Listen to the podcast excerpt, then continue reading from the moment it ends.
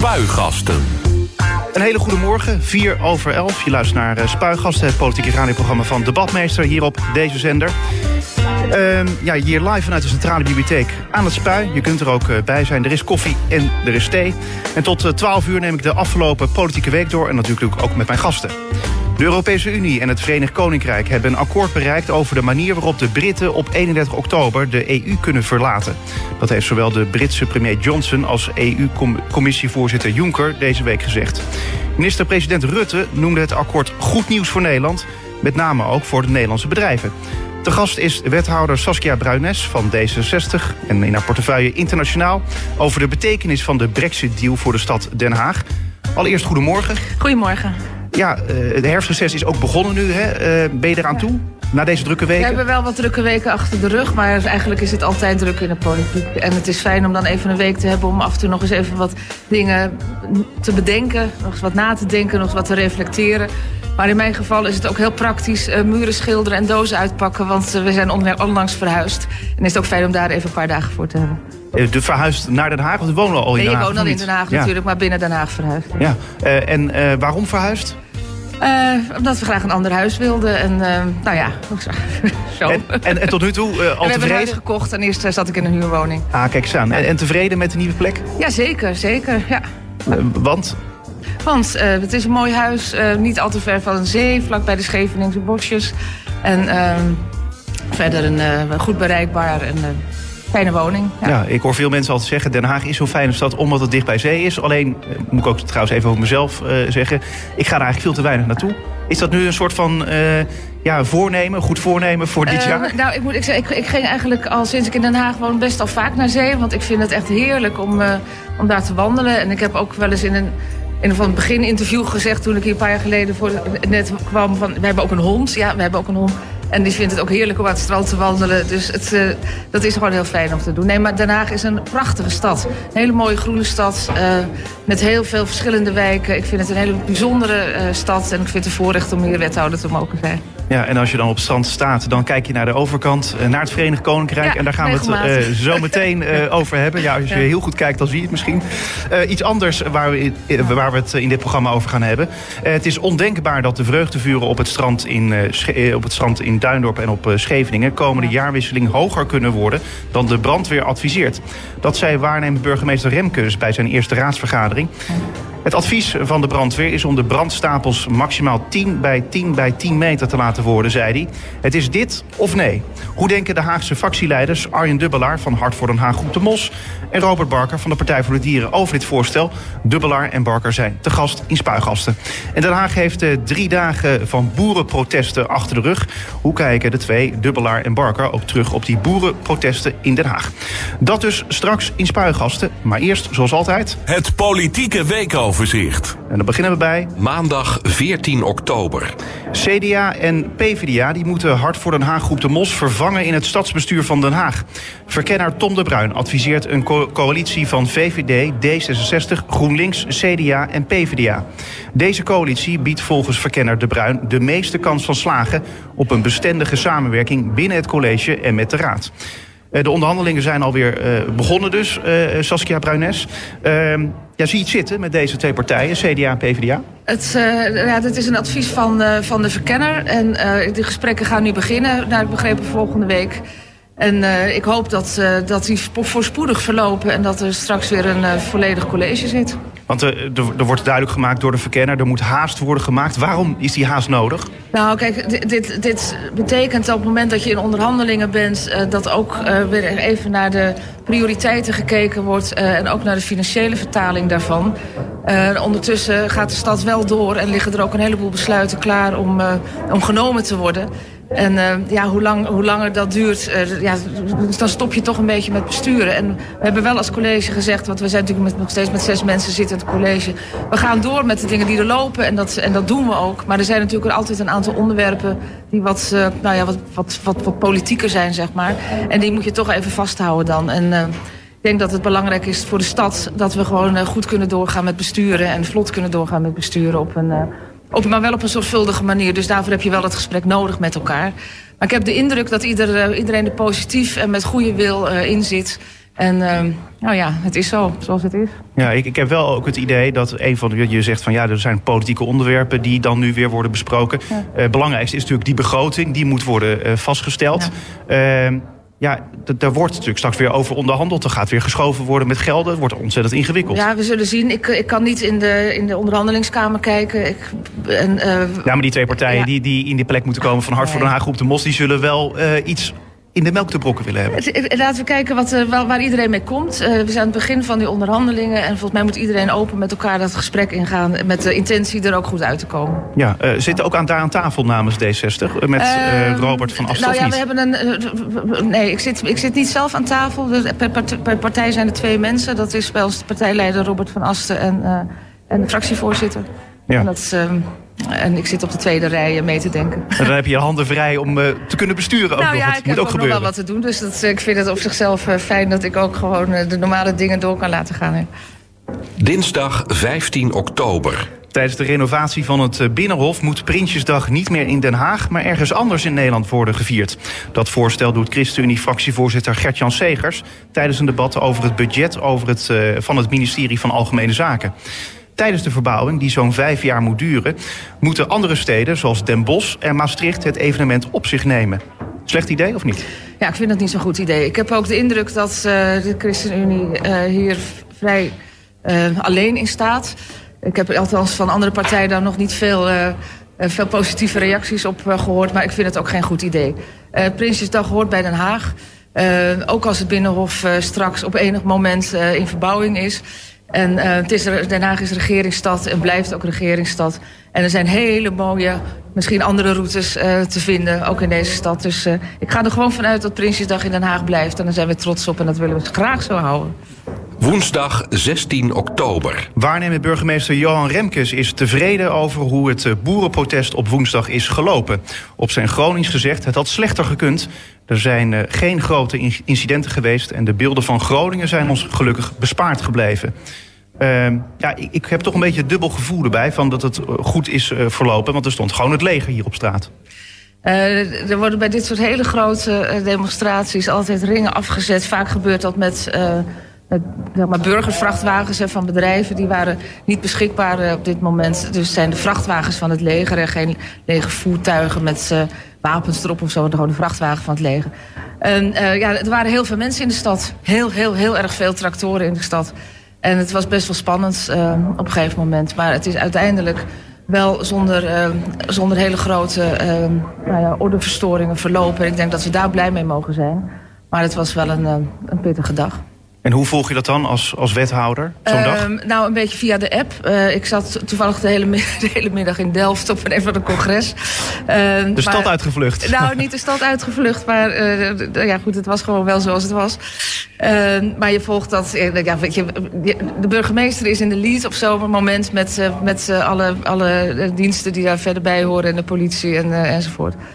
En eh, die hebben dat heel goed gedaan. En als, eh, als wethouder bemoei je daar niet direct mee. Maar je volgt het natuurlijk wel, want het gaat over onze stad. Het is wel fijn om te weten hoe het loopt. Ja, eh, toch vond eigenlijk heel veel mensen vonden het bijzonder om te zien dat er inderdaad legervoertuigen werden gebruikt. Of Ja. in elk geval voertuigen van het leger. En dat die de blokkades werden, werden opgeworpen.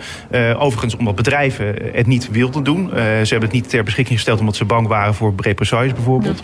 Eh, maar het, ik kan me niet heugen dat, dat, dat, dat, dat dit soort dingen eh, te zien waren in, eh, bij grote demonstraties. Ja, maar ik vind, ik vind echt wel het onderscheid gemaakt moet worden tussen het inzetten van het leger en het gebruik van trucks eh, die er van het leger afkomstig Ja, zijn. het waren geen we tanks. Hebben, we hebben allemaal, nee, nee. precies. Het waren, het- we hebben allemaal gezien hoe die tractoren, hoe sterk die zijn. Hè? En je wilt toch dat een deel van de binnenstad wel wordt afgezet om daar niet de tractoren binnen te, te krijgen. En dat, eh, zo is, dat is ook gelukt en dat is goed gegaan. En het, eh, nou ja, het was een eh, enerverende dag in de stad, zullen we maar zeggen. Donderdag 17 oktober. De vreugdevuren tijdens Oud en Nieuw mogen voortaan maximaal 10 bij 10 bij 10 meter groot zijn. Dat is het advies van de brandweer, zegt waarnemend burgemeester Johan Remkes donderdagavond tijdens het vreugdevurendebat. Remkes neemt dat advies over tijdens gesprekken vrijdag met de bouwers. Eh, verstandig dat het nu tegenwoordig eh, dus wat kleiner moet gaan worden, die vreugdevurenstapels. Er ligt een, eh, een heel stevig advies van, eh, van, de, van de Veiligheidsraad. En dat, Ehm, ik denk dat, we dat, dat, dat de burgemeester er heel verstandig aan doet om dat, zo, zo letterlijk mogelijk uh, te volgen. Ja, En want dat, nou ja, er is, u heeft het, het, debat is geweest. Ik denk dat daar verstandige besluiten zijn genomen. En ehm, we zullen zien hoe dat nu verder gaat. Het proces, het, eh, het, is, het is kort dag. Dus het, eh, het vergt een eh, nauwgezet werken van iedereen de komende tijd. Ja, want wat, wat ik interessant vind om te zien is van... Remkes benadrukte eigenlijk in dat debat heet het van ja, het is helemaal niet zeker dat die vreugdevuren ook komende jaarwisseling doorgaan. Want er is natuurlijk een vergunningtraject. Eh, Dat gaat allemaal lang Ja. duren. Dan mag de gemeenteraad er nog naar kijken. Eh, er komen adviezen van experts. Eh, de bevolking mag er ook eh, ja, zienswijzen over indienen. En dan kan het nog maar zo zijn dat als de wind maar eventjes de verkeerde kant op staat... dat het gewoon sowieso niet doorgaat. Nee, dat klopt. Dat is ook inherent aan een vergunningtraject. Ik heb bekijkt of de, of, de, of de aanvraag voldoet aan de vereisten die je stelt. En vervolgens moet het ook allemaal nog maar kunnen. En, en is er ook altijd bij zwaar een beroep nodig, mogelijk, wat moet worden afgewogen. Uh, het is een, krap proces. Uh, we zullen het zien. De, de wil is er volgens mij om het, uh, in ieder geval dat vergunningtraject met een, zeg maar, positieve grondhouding in te zetten. Maar zorgvuldigheid en veiligheid staat voorop. En dat heb ik iedereen horen zeggen in de gemeenteraad de afgelopen week. En dat is ook wat de Onderzoeksraad voor de Veiligheid heeft geadviseerd. Om daar heel goed op te letten. En alle rollen goed in te vullen. En nou, dat, dat, dat willen we ook graag met z'n allen. Dus ik denk dat dat heel verstandig is. Vrijdag 18 oktober. De Haagse oud-wethouder Richard de Mos dacht erover om uit het leven te stappen... nadat bekend werd, uh, werd dat hij verdachte is in een corruptiezaak.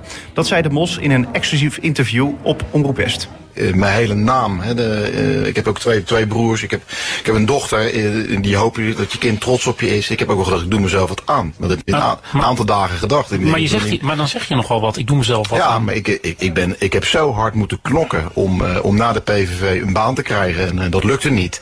En vervolgens begin je dan een partij. Ik heb zes jaar van mijn leven bloed, zweet en tranen gegeven om zover te komen. En dan ben je zover.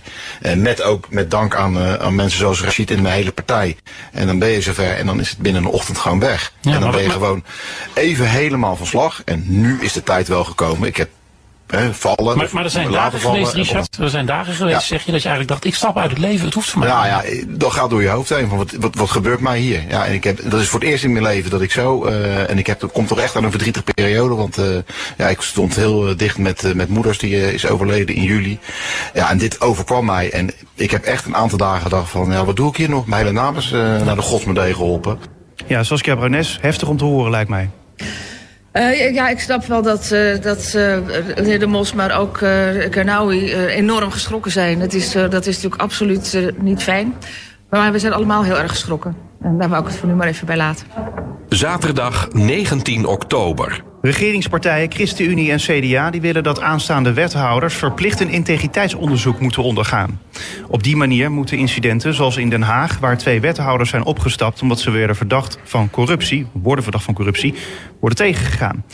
Als het aan de ChristenUnie en de CDA ligt, moeten er ook kandidaatbestuurders van provincies en waterschappen eraan geloven. We moeten alles doen om te voorkomen dat de situatie zoals bij het gemeentebestuur van Den Haag zich herhaalt, zegt Stineke van der Graaf van de ChristenUnie. Uh, terecht pleidooi? Um, ja, ik denk dat het sowieso verstandig is om een, uh, voor bestuurders in het, in het openbaar bestuur een, uh, een goede screening te hebben. Wat niet wil zeggen dat dat een garantie is op, op goed gedrag in de jaren daarna. Hè. Dus het, het, het, blijft zaak om in deze functie elke dag af te vragen of je het, de dingen goed en verstandig doet. En of je jezelf elke dag recht in de spiegel kan aankijken. En dat je um, het openbaar belang en het publieke belang goed behartigt. We gaan zo meteen verder praten. Dan gaan we het hebben over de Brexit-deal. Tot zover het weekoverzicht. Meer nieuws vind je op onze website denhagfm.nl. Spuigasten.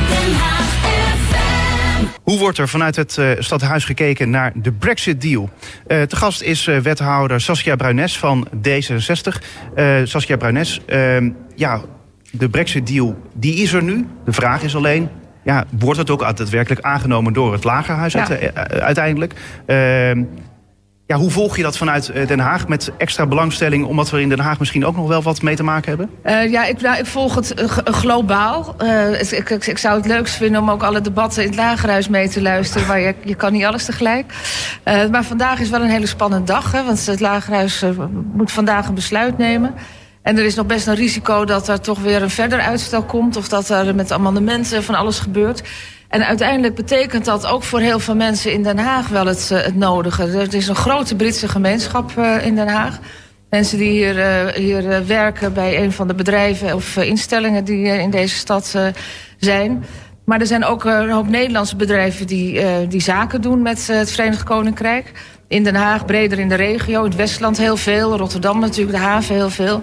Dus dat betekent dat je, de dat je moet voorbereiden op, op alle verschillende mogelijke scenario's. En dat is wat er hier de afgelopen periode, afgelopen jaar, jaren eigenlijk al, uh, al plaatsvindt. In een samenwerking met, uh, met de MKB en ondernemers, het, het, het, het, Nederlandse Foreign Agency Instituut, het, het, het Haagse pendant daarvan, ons internationaal center. Nou, dus gewoon breed, maar ook op nationaal niveau te, met steden bij elkaar kijken we naar wat er moet gebeuren. Ministerie is daar natuurlijk heel nauw bij betrokken. En uh, die hebben ook allerlei handleidingen en richtlijnen gemaakt. Die komen overigens ook vanuit de Britse ambassade zelf. Van waar moeten mensen allemaal op letten? Dus in het persoonlijk leven, wat moet je in welke variant wel of niet aanvragen? Uh, is je verzekering nog geldig? Wat betekent voor je rijbewijs? Nou, allemaal dat soort hele praktische dingen. Maar voor het zakenleven betekent het misschien nog wel meer. Hè? Want het gaat uiteindelijk ook hoe je, hoe je bedrijfsvoering kan voortgaan of niet kan voortgaan. En hoe je daar ja, een soort weerbaarheid in kan opbouwen om daar mogelijke tegenstellingen of, of, of te, uh, teleurstellingen het, uh, het, hoofd te bieden. Ja, maar je bent ook wethouder uh, economie, dus ja. je, je, gaat daar ook over. Uh, maar moeten we ons zorgen maken over die Haagse economie met die brexit? Um, nou, het, de Haagse relaties met het Verenigd Koninkrijk zit voor het grootste deel in, in goederen, of nee, sorry, in dienstenverkeer. Uh, dat maakt op een aantal punten wat overzichtelijker dan wanneer je het vooral over goederenverkeer hebt. Hè? Want het goederenverkeer gaat dus heel erg over de handelsafspraken en de, uh, de invoerrechten en de quarantaines en al dat soort dingen die met een, een, een grens te maken ja, gaan import hebben. en export eigenlijk. Import en export. En, uh, en vanuit Den Haag zit, zit het veel op kennis en op, uh, en op diensten. dat, ja, die hoeven in ieder geval niet op die manier de grens over als een, nou ja... Een, een, een, een, als, als goederen dat moeten. Nee. Maar het betekent natuurlijk wel wat uh, ook voor. Uh, nou ja, en, en het vervelende is dat er ook gewoon zoveel dingen nog onzeker zijn. Als er straks een deal is, dan uh, komt er in ieder geval een overgangsperiode waarin nog nadere afspraken gemaakt moeten worden. Er liggen kansen voor het bedrijfsleven, maar er liggen ook, uh, ook risico's voor het bedrijfsleven. Ja, en nou zei je net van ja, er zijn wel wat mensen die uh, vanuit het Verenigd Koninkrijk hier naartoe zijn gekomen, naar Den Haag bijvoorbeeld, om bij die uh, kennisinstellingen ja. te werken. Ja. heeft dan de gemeente in die zin contact met die mensen? Of, of is het eigenlijk, eigenlijk echt iets van bijvoorbeeld de landelijke overheid uh, die met die brexit te maken heeft. En we doen dat in, uh, in samenwerking met elkaar. Toevallig ben ik van de week, uh, was er hier een bijeenkomst... toevallig in dezezelfde zaal georganiseerd door het, door het Rijk... samen met, met de Britse ambassade en het de Hague International Center. waar eigenlijk een programma is gemaakt voor inwoners... Britse inwoners van Den Haag... over alle mogelijke varianten en dingen waar men mee te maken krijgt. dat was heel druk bezocht en werd ook zeer gewaardeerd. En daar zullen nog een aantal... eigenlijk is er elke maand zo'n thema bijeenkomst over de brexit. MKB is er ook bij betrokken, ook voor bedrijven maakt het wat uit. Wat voor Den Haag, voor de Haagse economie ook belangrijk is... is om, uh, nou ja, te kijken of er bedrijven uit uh, Groot-Brittannië die toch uh, het, uh, de relatie met Europa goed willen houden... en de Europese markt dichtbij willen houden... om die te kijken of die naar, naar Den Haag willen komen. die zoeken we vooral, dat, die, die, die acquisitie, nog maar even... Uh, het gaat ook in een landelijke afstemming. En wij kijken ook dan in het bijzonder naar bedrijven die ook passen in Den Haag. En die kunnen aansluiten bij de bedrijvigheid die hier is. En uh, nou, er zijn de afgelopen jaren een tiental uh, bedrijven en organisaties ook deze kant opgekomen. Wat grotere en wat kleinere. Maar ook bedrijven van andere buitenlandse organisaties. Buitenlandse bedrijven bijvoorbeeld uit Azië of uit Afrika, uit de Verenigde Staten.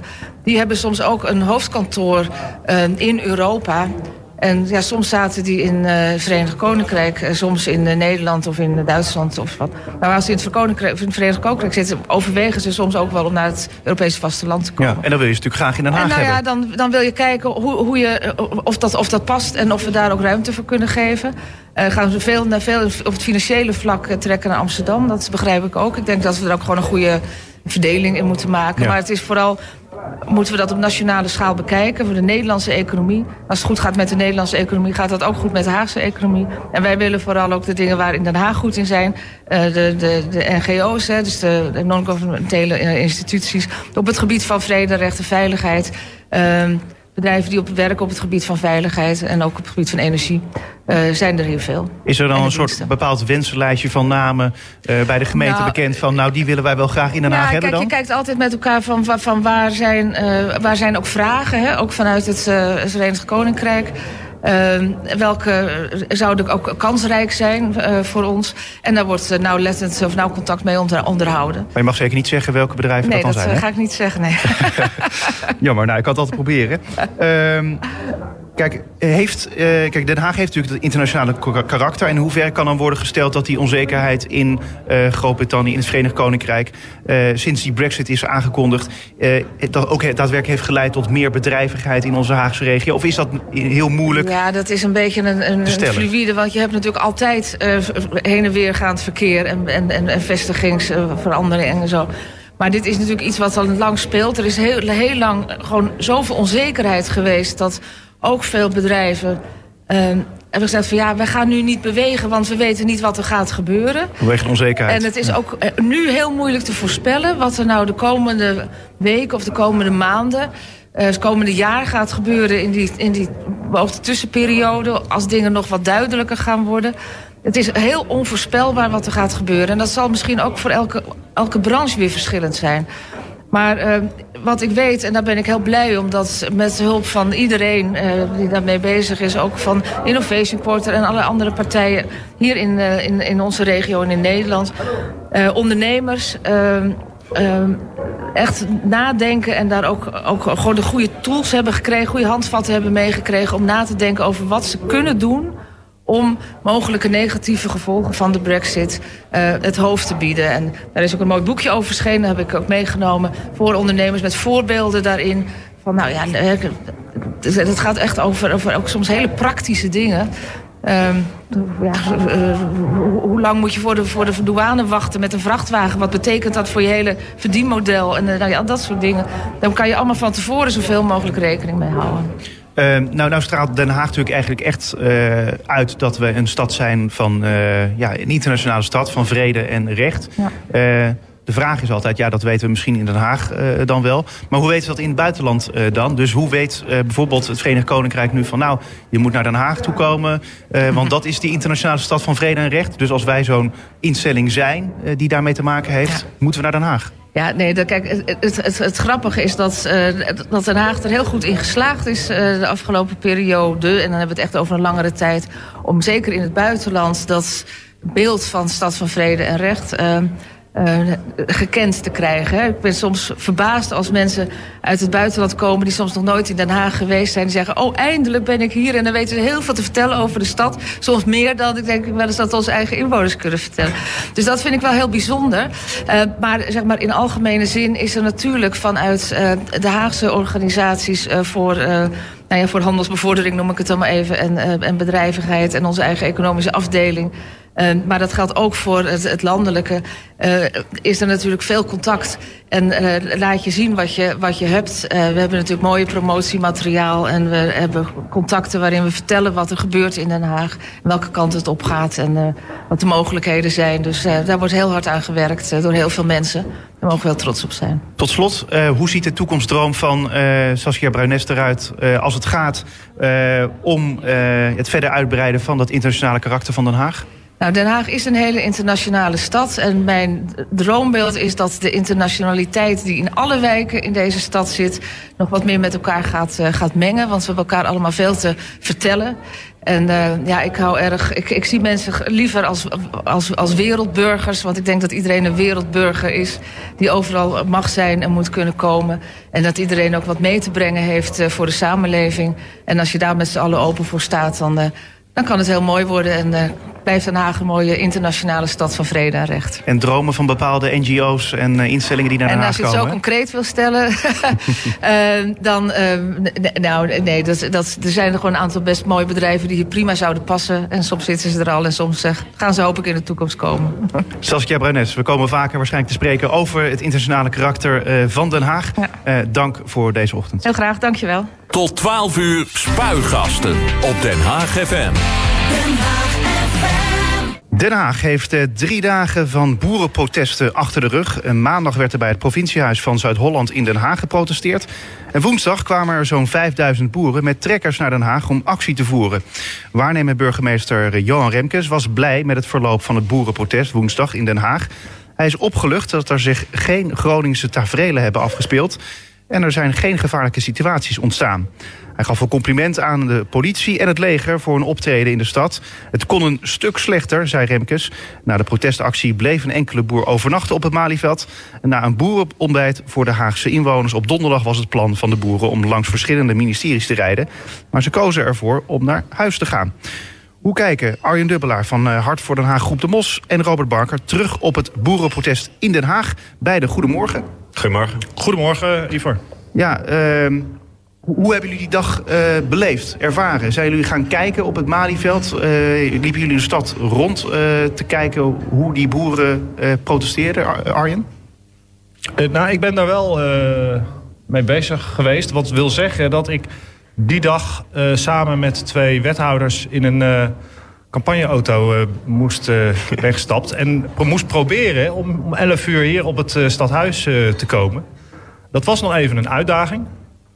Uh, maar ja, goed, we, we, kennen Den Haag goed. Dus we zijn er uiteindelijk wel uh, doorheen gekomen. Maar het is toch bijzonder dat je met zo'n... Uh, want je doelde op de limousine ja. waar jullie in zijn gestapt... dat jullie toch al die wegafsluitingen... dat jullie daar doorheen zijn gekomen. Ja, klopt. Maar ik ben geboren en getogen in deze, deze stad. Ik ja. zat voorin samen met Jelle. En nou, Jelle ook. Dus we, we weten de weg. Ja, nou, bijzonder. Uh, Robert Barker van de Partij voor de Dieren. Uh, ja, niet met een limousine door Den Haag gereden, neem ik aan. hoe heb jij die dag ervaren? Um, nou, allereerst snap ik uh, het, uh, het, gevoel van de boeren. Dat ze denken van ja, elke keer komen regels op ons af en die veranderen elke keer. En eigenlijk heeft de regering nooit consistent beleid gevoerd op stikstofgebied. Dus dat snap ik wel.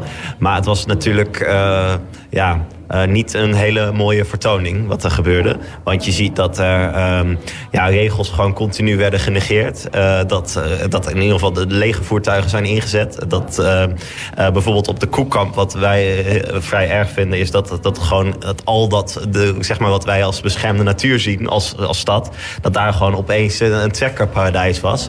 Um, en daar zie je nu nog de gevolgen van. Um, en ook als je de vergelijking maakt met bijvoorbeeld een, een klimaatmars.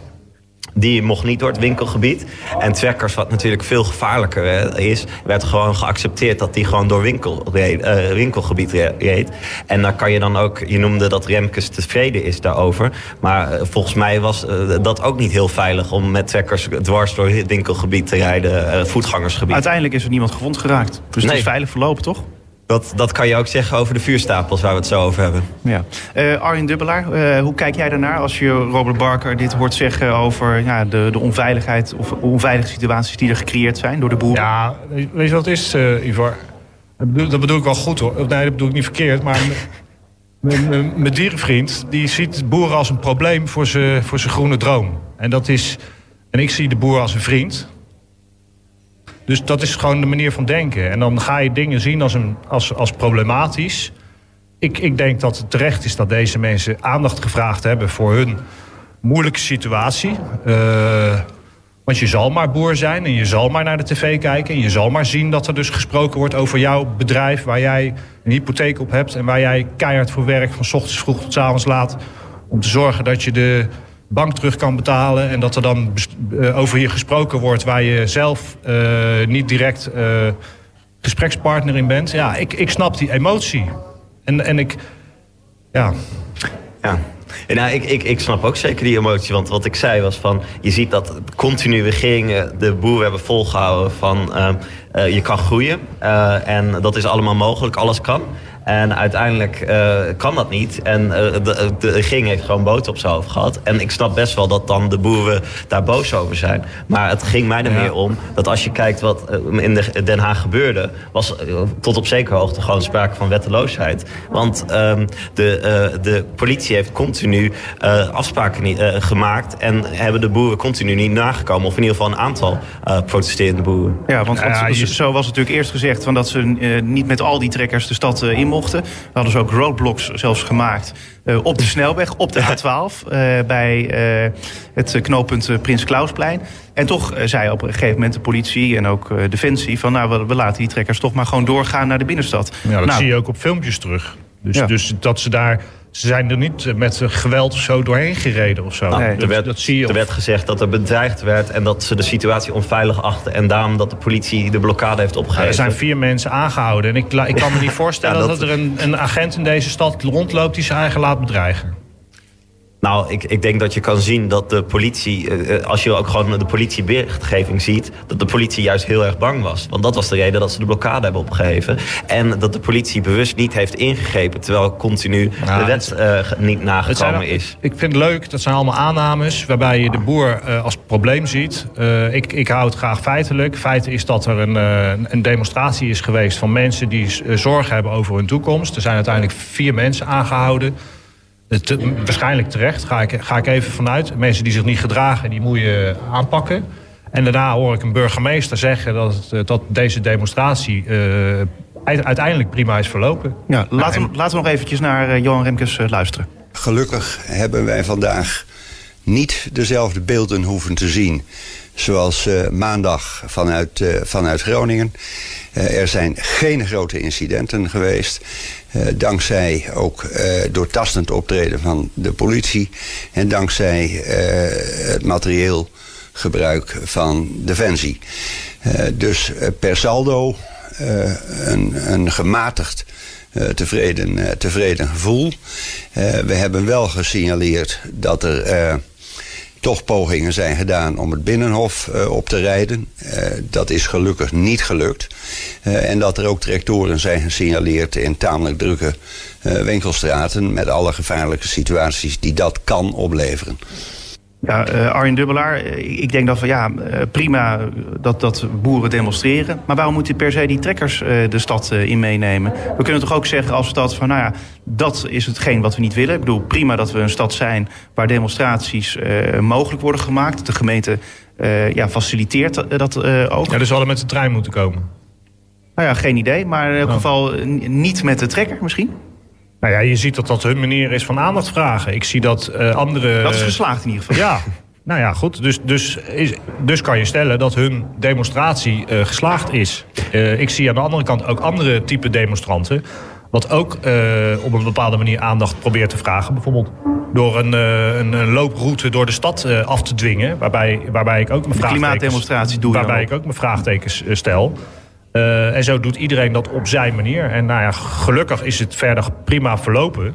Eh, en is er, is er, zijn er geen eh, bijzondere incidenten geweest? Nou ja, eh, prima. Ja, eh, Robert Barker, is dit eh, nu iets, een, een soort moment van lering... waar de gemeente eh, lering uittrekt? Van eh, hoe ga je om met verschillende type demonstraties? Ja, ik hoop het wel. Want eigenlijk wat Arjen zegt over als je de vergelijking maakt met de klimaatdemonstratie. Ehm, dat laat zien dat er best wel ongelijkwaardig wordt gehandeld. Want eh, omdat een trekker heel groot en sterk is en eigenlijk er doorheen kan bulldozen, wordt veel meer geaccepteerd. Want als je kijkt naar de klimaatdemonstratie, die, daar was heel veel gedoe over de looproute. Eh, mocht niet door het winkelgebied. Uiteindelijk heeft iedereen zich daaraan gehouden, is gewoon fatsoenlijk eh, bij de regels gebleven. De trekkers mochten ook niet door het winkelgebied, ook niet door het voetgangersgebied, wat me best wel logisch lijkt bij trekkers. Dus dat je daar niet doorheen mag crossen. Ehm, dat, daar is niet aan gehouden. Eh, en eh, toch wordt het geaccepteerd. Ja. Eh, eh, Arjen, zie jij nog een soort van moment van lering voor de gemeente? Met betrekking tot de demonstratie ja, van de, boeren. Ja. Of zeg je gewoon, nou eh, prima Ja, zo, ik denk- ze mogen ik- volgende ik week weer denk komen. dat eh, eh, be- het gezag eh, uiteindelijk prima heeft, eh, zijn werk heeft gedaan. Want er is niks, noemens, er zijn geen grote problemen. eh nou ja, ja, geen gevaarlijke incidenten geweest. Eh, en dus, dus kan je achteraf alleen maar constateren dat het een prima demonstratie is geweest. Kijk, of je het er maar eens bent of niet, dat is een andere discussie. Ja, nee, daar gaat het niet over. Nee, dus... eh, en ja, het heeft een- bepaalde vorm van eh, last met zich meegebracht. Misschien voor anderen. Maar dat, ik kan me ook voorstellen dat, dat er mensen zijn die last hebben... bijvoorbeeld van een klimaatmars. Omdat Ja. het ook ja, last met zich meebrengt. Ja, maar even in theorie. Ik bedoel, eh, stel dat er eh, volgende week eh, weer een paar dagen demonstraties zijn van boeren in Den Haag... die weer met trekkers de stad in proberen te rijden. Eh, ja, hoe ver moet je dit Nou ja, laten dan, gaan? Kijk, maar dan, dan ben je bezig met. dan, ik denk dat dan een draagvlak dan afneemt. Dat is hetzelfde als, de klim, als we iedere week een klimaatmars door de stad heen hebben. Of dat we een andere type demonstratie op, in deze, op deze schaal, hè, even, dat er echt wel een heel groot deel van de stad daar eh, iets, iets van ondervindt. Eh, dan neemt het draagvlak af. Dus ik. Nou ja, goed. Maar dat denk- gaat alleen om het draagvlak voor de boeren. Even los van wat je van het probleem vindt. Kijk, ik ben een lokaal politicus en ik zit hier in het stadhuis. En uiteindelijk gaan we er hier in het stadhuis helemaal niet over. Eh, maar ik denk dat de boeren op, voor hun zaak prima aandacht hebben gevraagd. Ja. Eh, laten we dan eh, over die andere zaken eh, het gaan hebben. Ehm, het is ondenkbaar dat de vreugdevuren op het strand in Duindorp en Scheveningen... komende jaarwisseling hoger kunnen worden dan de brandweer adviseert. Dat zei waarnemende burgemeester Remkes bij zijn eerste raadsvergadering. Het advi- advies van de brandweer is om de brandstapels maximaal 10 bij 10 bij 10 meter te laten worden, zei hij. Is dit of nee? En waar komt het grosso modo op neer? In het rapport van de onderzoeksraad wordt een afmeting genoemd van 5 bij 5 bij 3. De brandweer zegt, het zou eventueel onder strikte condities maximaal 10 bij 10 bij 10 eh, kunnen zijn. Eh, en ik zeg u erbij dat het wat mij betreft ondenkbaar is dat in de vergunningverlening wordt afgeweken van het brandweer. Dus er zijn twee smaken. De ene smaak is conform het brandweeradvies en de andere smaak is nee. Nou, de vraag is natuurlijk, hoe denken de Haagse eh, fractieleiders Arjen Dubbelaar, Hart voor Den Haag Groep de Mos en Robert Barker van de Partij voor de Dieren over dit voorstel? Dubbelaar en Barker zijn te gast hier in Spuigasten. Eh, Robert Barker, je hebt, je hebt eh, Remkes eh, gehoord eh, afgelopen donderdag en nu weer. Ehm, ja, wat, wat vind je van zijn voorstel? Ehm, nou, volgens mij is het sowieso goed om als uitgangspunt te nemen dat, wat de brandweer zegt. Dus eh, het is eh, heel onverstandig dat dat in het verleden niet is gebeurd. Eh, maar eh, bij het voorstel, wat je denk ik moet realiseren, is wat er fout is gegaan vorig jaar. Ehm, en dan zie je dat er geen afspraken waren, geen vergunning was. Eh, de afspraken die er waren niet waren daarna gekomen. Maar ook dat de, niet. de gemeente op andere gebieden ehm, faalde. Want er was geen duidelijke veiligheidsorganisatie. En er werd ook niks gedaan met signalen van vorig jaar. En dan is de vraag of je in zo'n korte tijd dat allemaal op orde kan brengen. Ook andere vergunningen die ook allemaal niet zijn afgegeven en nagekomen. de, de wettelijke regels. Dan, dan is de vraag van kan dat? En wij denken eigenlijk dat het eh, niet kan. Gegeven hoe de gemeente ervoor staat. Nee. Eh, Arjen Dubbelaar, ik, ik hoorde jou in het debat zeggen dat je wel eh, moeite had eh, toen je hoorde Ja. eh, dat het maar 10 hoor- bij 10 bij 10 meter mocht zijn. Robert, je zegt, je zegt er waren geen afspraken en afspraken zijn niet nagekomen. Dus dat, dat, is, dat is vaag. Maar goed. Ja, de, de, de waren op, Ja. op papier eh, wa- waren geen duidelijke afspraken. Maar er wa- was natuurlijk wel met de partijen... Er is bijvoorbeeld een afspraak gemaakt over de bouwhoogte. En Dus die waren is wel gewoon afspraken. niet nagekomen. Ja, Oké, oké. Ja, Dan maar dan is dat Als je het helder. OVV-rapport ziet, dan Ja. zie je dat de OVV-rapport zei dat er geen duidelijke afspraken waren. De eh, eh, afspraken die er wel waren, werden niet nagekomen. Oké, dus er waren wel afspraken. Ja, Ja, dat- dat- nou, dat- waren alleen ja. niet heel erg hard. Nee, er, is, niet er, is niet, er is niet, in ieder geval niet gehandhaafd op de afspraken die er wel waren. Juist. Dat, dat, dat is denk ik de conclusie. Volgens mij is iedereen het daar eh, over eens. Dat komt uiteindelijk ook in het OVV-rapport eh, naar voren. Eh, nou ja, en dan, dan is het, er is niet gehandhaafd. En door een combinatie van factoren is uiteindelijk is er, is er een, heeft er een heel ernstig incident eh, plaatsgevonden. En eh, volgens mij is de meerderheid, nou, bijna iedereen in de raad is het ermee eens dat dat niet meer moet plaatsvinden. Eh, Zo'n incident. Nou ja, gelukkig is er wel een raadsmeerderheid die vindt dat de vreugdevuren op een, eh, of deze traditie ook in de toekomst en dit jaar wel moet kunnen plaatsvinden. Maar wel op een veilige veilig, manier, ja. Wel veilig. Ja. Uh, Arjen Dubbelaar, uh, maar je hebt dus moeite. Uh, dus je, je had afgelopen donderdag had je moeite met die hoogte en de breedte en de, lengte, in ieder geval het volume van die stapels van Ja. 10 bij 10 bij 10. Ja, want Waarom? ik, nou ja, ik ben, ik ben allereerst eh, fan van de vreugdevuren. Ik ben eh, opgegroeid met, eh, in deze stad met de uh, oudjaarsavond-traditie. Eh, nou ja, zoals, zoals met, met mij nog vele duizenden andere inwoners van deze stad. Dus het is een traditie die al tientallen jaren plaatsvindt. Eh, en, een, en een vreugdevuur van 10 meter, dat is, eh, dat is nog steeds een flink vuur. Maar dat is, dat is, eh, dat is heel veel minder, zeg maar, als wat het ook in de jaren dat het gewoon veilig verlopen is eh, geweest, zeg maar. Eh, en, dan, dan hoor ik in het debat van, nou ja, is advies van de brandweer. Dan denk ik, ja, oké, dat, dat zal dan wel terecht zijn. Maar ik wil wel graag weten waar dat advies dan precies op gebaseerd is. Ik denk dat ik dat ook gewoon verplicht ben als raadslid om te, nou ja, te controleren. Ik heb dat in het debat volgens mij ook nog geprobeerd aan te halen. Dat ik heb een controlerende functie en ik neem iets niet zomaar aan. Ik wil dat kunnen controleren. Ja, en dan dat- kan ik het daarna aan mijn achterban zeggen van nou, ik heb, het, ik, heb de, ik heb de gegevens tot mij genomen en ik denk inderdaad dat dat een goed advies is. En natuurlijk, ik sta achter de brandweer.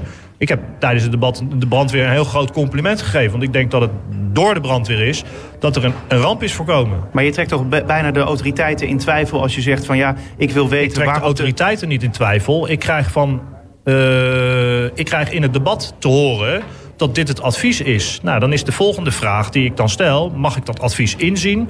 En, want ik wil weten op basis waarvan dat advies genomen is. Ik, ik ben dat verplicht als een raadslid. Ja, dat, dat, ik dat- moet toch niet gewoon stilzitten pootje geven? Ik moet toch gewoon mijn huiswerk doen? Ja. Eh, Robert Barker, snap jij het, wat, wat Arjen Dubbelaar zegt? Ehm, nou, ik, eh, wa- wat ik niet snap is dat gegeven dat er zo'n eh, grote ja, eigenlijk ramp is, is geweest op Scheveningen. Eh, eh, de heer Dubbelaar noemt het natuurlijk een, een incident. Maar het was wel meer dan een incident. Want ik bedoel, bijvoorbeeld als, vreselijk incident. als, als bijvoorbeeld de, de stapels waren omgevallen, was het ook de gevolgen niet te overzien. En terwijl we dat al van tevoren, dat al eerder was gebeurd. Omdat gewoon die veiligheidshekken niet ver genoeg. Dus er was alles, allerlei dingen, ook bedreigingen over weer. Alles zo'n beetje ging mis. Alle alarmbellen die gingen af. Ja, en, en, en de brandweer die, die, die kon eigenlijk niks. Die geeft nu een heel duidelijk advies. Ehm, en volgens mij moet dan het uitgangspunt gegeven hoe erg het had mis kunnen gaan en hoe, hoe groot de veiligheidsgevolgen zijn, moet je dat advies gewoon als uitgangspunt nemen en niet in twijfel trekken. Nee, maar eh, op zich, hij trekt het dan niet in twijfel, zegt, hij, zegt Arjen Dubbelaar. Hij, hij zegt, ik wil graag het advies inzien. Dat is, lijkt me iets wat iedereen toch wil inzien ook? Ja, nou, ik vind het goed dat hij het wil inzien. Als dat ook betekent dat als hij het heeft ingezien, dat hij het advies volgt. En dat dat betekent dat je, dat je die 10 meter als max stelt. Maar als het betekent dat hij eh, na het inzien opeens brandweerexpert is geworden. En denkt, eh, dit advies is niet handig. En ik Ja, wil toch een veel groter eh, Ja, volume. Ik, ik ken de kwaliteiten van Arjen Dubbelaar niet. Nee, nee, nee. Ik ben geen brandweerexpert. Dus ik laat me door experts in dit geval adviseren. En Nou, één zo'n expert is inderdaad de brandweer. Daar heb ik echt heel veel vertrouwen Niet in. één zo'n expert, dat is de expert. Nee, dat, maar, De Onderzoeksraad voor Veiligheid is ook een expert, punt, lijkt Je mij, hebt toch? meerdere experts in deze stad met andere expertise op andere onderwerpen. En ik, ik laat mij adviseren door experts als raadslid. Nou ja, eh, Maar het kan dus straks zo zijn dat als je het advies hebt ingezien... dat je dus zegt als Hart voor Den Haag Groep de Mos... nou, eh, wij vinden dit geen goed idee, die 10 bij 10 bij 10 meter. We willen graag dat het hoger wordt. Nou ja, feit, ik wil eh, dat het advies van de brandweer er nu ligt. Dat, dat is natuurlijk wel een stevig signaal. Laten we daar eerlijk over zijn. Ja. Eh, het is ook een stevig signaal dat Remkes zegt... het wordt eh 10 bij 10 nou, bij voor, 10. voor of, Remke- dit- of Remkes niet. zegt op zijn beurt, en dat snap ik heel goed... die zegt gewoon van, ik, ik, de kaders zijn die die door de experts, de brandweer... nu maximaal gesteld worden. Dat zijn de kaders, dus dat begrijp ik ook. Als je ziet wat er vorig jaar gebeurd is... dat deze houding nu eh, vanuit het stadhuis eh, ingenomen wordt. Eh, ja, ja, goed. Maar dan nog ben ik het verplicht naar mijn achterban... om, om daar wel even energie in te steken. En dat ga ik ook gewoon doen. En als ik dan kijk naar meneer... eh, naar, naar een ander deel van de raad... ik wil zeggen meneer Barker, maar hij is niet helemaal fair misschien... maar en er is een heel deel van de raad, het is gewoon tegen. En dat... En dat ik, ben, ik, zeg, ik zeg gewoon, ik ben niet tegen... Eh, maar als je, als je, die partij zegt toch dat ze, dat ze tegen die, de, eh, deze vuurstapels zijn... omdat het gewoon niet veilig kan? Nou, ik denk dat het wel veilig kan, want het is jarenlang veilig geweest. tientallen jaren heeft het gewoon veilig kunnen plaatsvinden. En je, de onderzoeksraad heeft het afgelopen jaar heeft het, eh, heeft er onderzoek naar gedaan waardoor het fout is gegaan. Dan zeggen zij het is een combinatie van factoren. Dat is bouwhoogte, wind, locatie, gebruikte materialen, eh, het gebruik van brandversnellers, de, de manier van ontsteken. Nou ja, dat zijn allemaal eh, criteria waardoor, deze, eh, waardoor dit heeft kunnen plaatsvinden. En dus daar kan je feitelijk op sturen. En eh, ik ben benieuwd. Ik, ik, ook omdat ik daar gewoon in geïnteresseerd ben. Laat ik daar dan ook maar gewoon eerlijk in zijn. Omdat ik fan ben van de oudjaarstraditie in deze stad. En ik vraag ik ben gewoon oprecht benieuwd. Waarom kan een vuur van 10 meter wel en een vuur van 12 meter niet? Ja. Is dat, dus is dat een vraag waar je ook geïnteresseerd in bent, Robert Barker? Nou, ik ben zeker geïnteresseerd. Maar wat, eh, wat ik wel opmerkelijk vind, is eh, de redenatie van Groep de Mos is vaak van... eh, ja, het, kan, het is veilig gebeurd, dus dat betekent dat het veilig kan. En dat is volgens mij niet de, de juiste redenatie. Want als je ziet dat het nu heel erg mis is gegaan... eh, eh, eh, laat zien dat het ook het jaar daarvoor mis had kunnen gaan. En het jaar daarvoor. Maar het is gewoon, eh, eh, per toe, als je gewoon kijkt naar kans... het is gewoon een best wel grote kans dat het misgaat. En volgens mij wil je dat, die kans niet lopen. Ehm, dus je moet gewoon het brandweeradvies als uitgangspunt nemen. En niet gaan eh, denken van we gaan het toch wel een paar meter ophogen. Ik neem het brandweeradvies als uitgangspunt. Ik ben alleen eh gewoon nieuwsgierig, benieuwd, ja. benieuwd en het verplicht naar mijn achterban, naar al deze mensen in deze stad die dit een fantastische traditie vindt, dat ik me dat ik kennis neem van, de, van het advies van de brandweer. En dat dus niet eh, gewoon stil zit en ja amen zegt, maar dat ik ook daadwerkelijk eh, de stukken lees om, me, ja, om de informatie tot mij te nemen waarop dit advies gebaseerd is. Eh, ga je dat in het herfstreces doen? Want dat is nu begonnen. Nou ja, ik heb de toezegging gekregen dat ik dat, dat, ik dat toegestuurd krijg. Dus dat, is, dat, is- dat ga ik dan doen. Want ik vind dat het belangrijk is dat deze traditie op een veilige manier eh, kan plaatsvinden. Ja. Robert Barker, eh, ja, ga je het ook met veel plezier lezen straks, dat advies van de brandweer?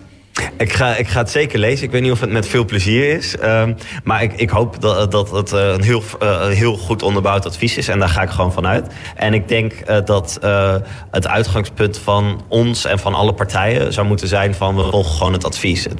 En al- als we vragen hebben, dan kunnen we die stellen. Dat is volgens mij prima. Maar gegeven hoe erg het is misgegaan, denk ik dat we gewoon moeten zeggen... we doen het op de manier van de brandweer, zoals eh eh, Remke zegt, of gewoon helemaal niet. En wij neigen naar niet, gegeven dat het eh Ja, zo daar korte je- termijn daar- is. Sterker nog, daar heb je ook gewoon alle moties voor gesteund. Ik bedoel, de, de dierenpartij wil het gewoon niet. En we hebben gezegd, sla een jaartje over. Ja. Gegeven dat het, eh, dat zei ik ook in het begin, gegeven dat er eh, gewoon geen veiligheidsorganisatie en zoveel vergunning nog moet worden geregeld. De tijd is gewoon te kort. 2,5 maand. Ja, ik, dat, ik- dat vind ik zo... Ja, maar als je kijkt hoe groot de problemen zijn qua veiligheid en wat er allemaal mis is gegaan binnen de gemeentelijke organisatie, is het best wel knap als je dat op tijd doet. En de burgemeester noemde het zelf stoom en kokend water. En volgens mij Ja, moet je niet heeft- zo dat- mee, dat met heeft- veiligheid omgaan. Dat heeft voornamelijk eh, betrekking op, de, op de, de, de termijnen van vergunningverlening. Daar zijn gewoon een aantal wettelijke termijnen op, eh, van toepassing. En daardoor eh, is het allemaal krap. Maar dat zegt niks uiteindelijk over de uitvoering. Eh, ik denk dat de, de uitvoering is een kwestie van organiseren en, en, eh, nou ja, eh, en, ja, invulling geven dan aan kaders die gesteld worden. Want er moet inderdaad een plan liggen voor een, ik noem maar even, een evenemententerrein. En daar, moet, daar zijn allerlei organisaties bij betrokken om dat dan invulling te geven. En, en ja, wat ik zeg, die, die stoom in kokend water heeft, is van toepassing op, de, op het vergunningtraject en de wettelijke termijnen. Ja, en ook in de rest van het regelen. En volgens mij moeten we veiligheid voorop stellen. En niet eh, stoom en kokend water bij zo'n evenement eh, gaan hanteren. dan, gegeven vorig jaar. dan wordt weer die term gebruikt. Ja, goed. Ja, kortom, eh, ik, ik weet in ieder geval één ding dat zeker is. Eh, als de vreugdevuren doorgaan, dan moet het veilig eh, gaan gebeuren. Absoluut. En we gaan er de komende eh 2,5 maand nog vaker over hebben. Het zijn twee dingen die, die zeker zijn.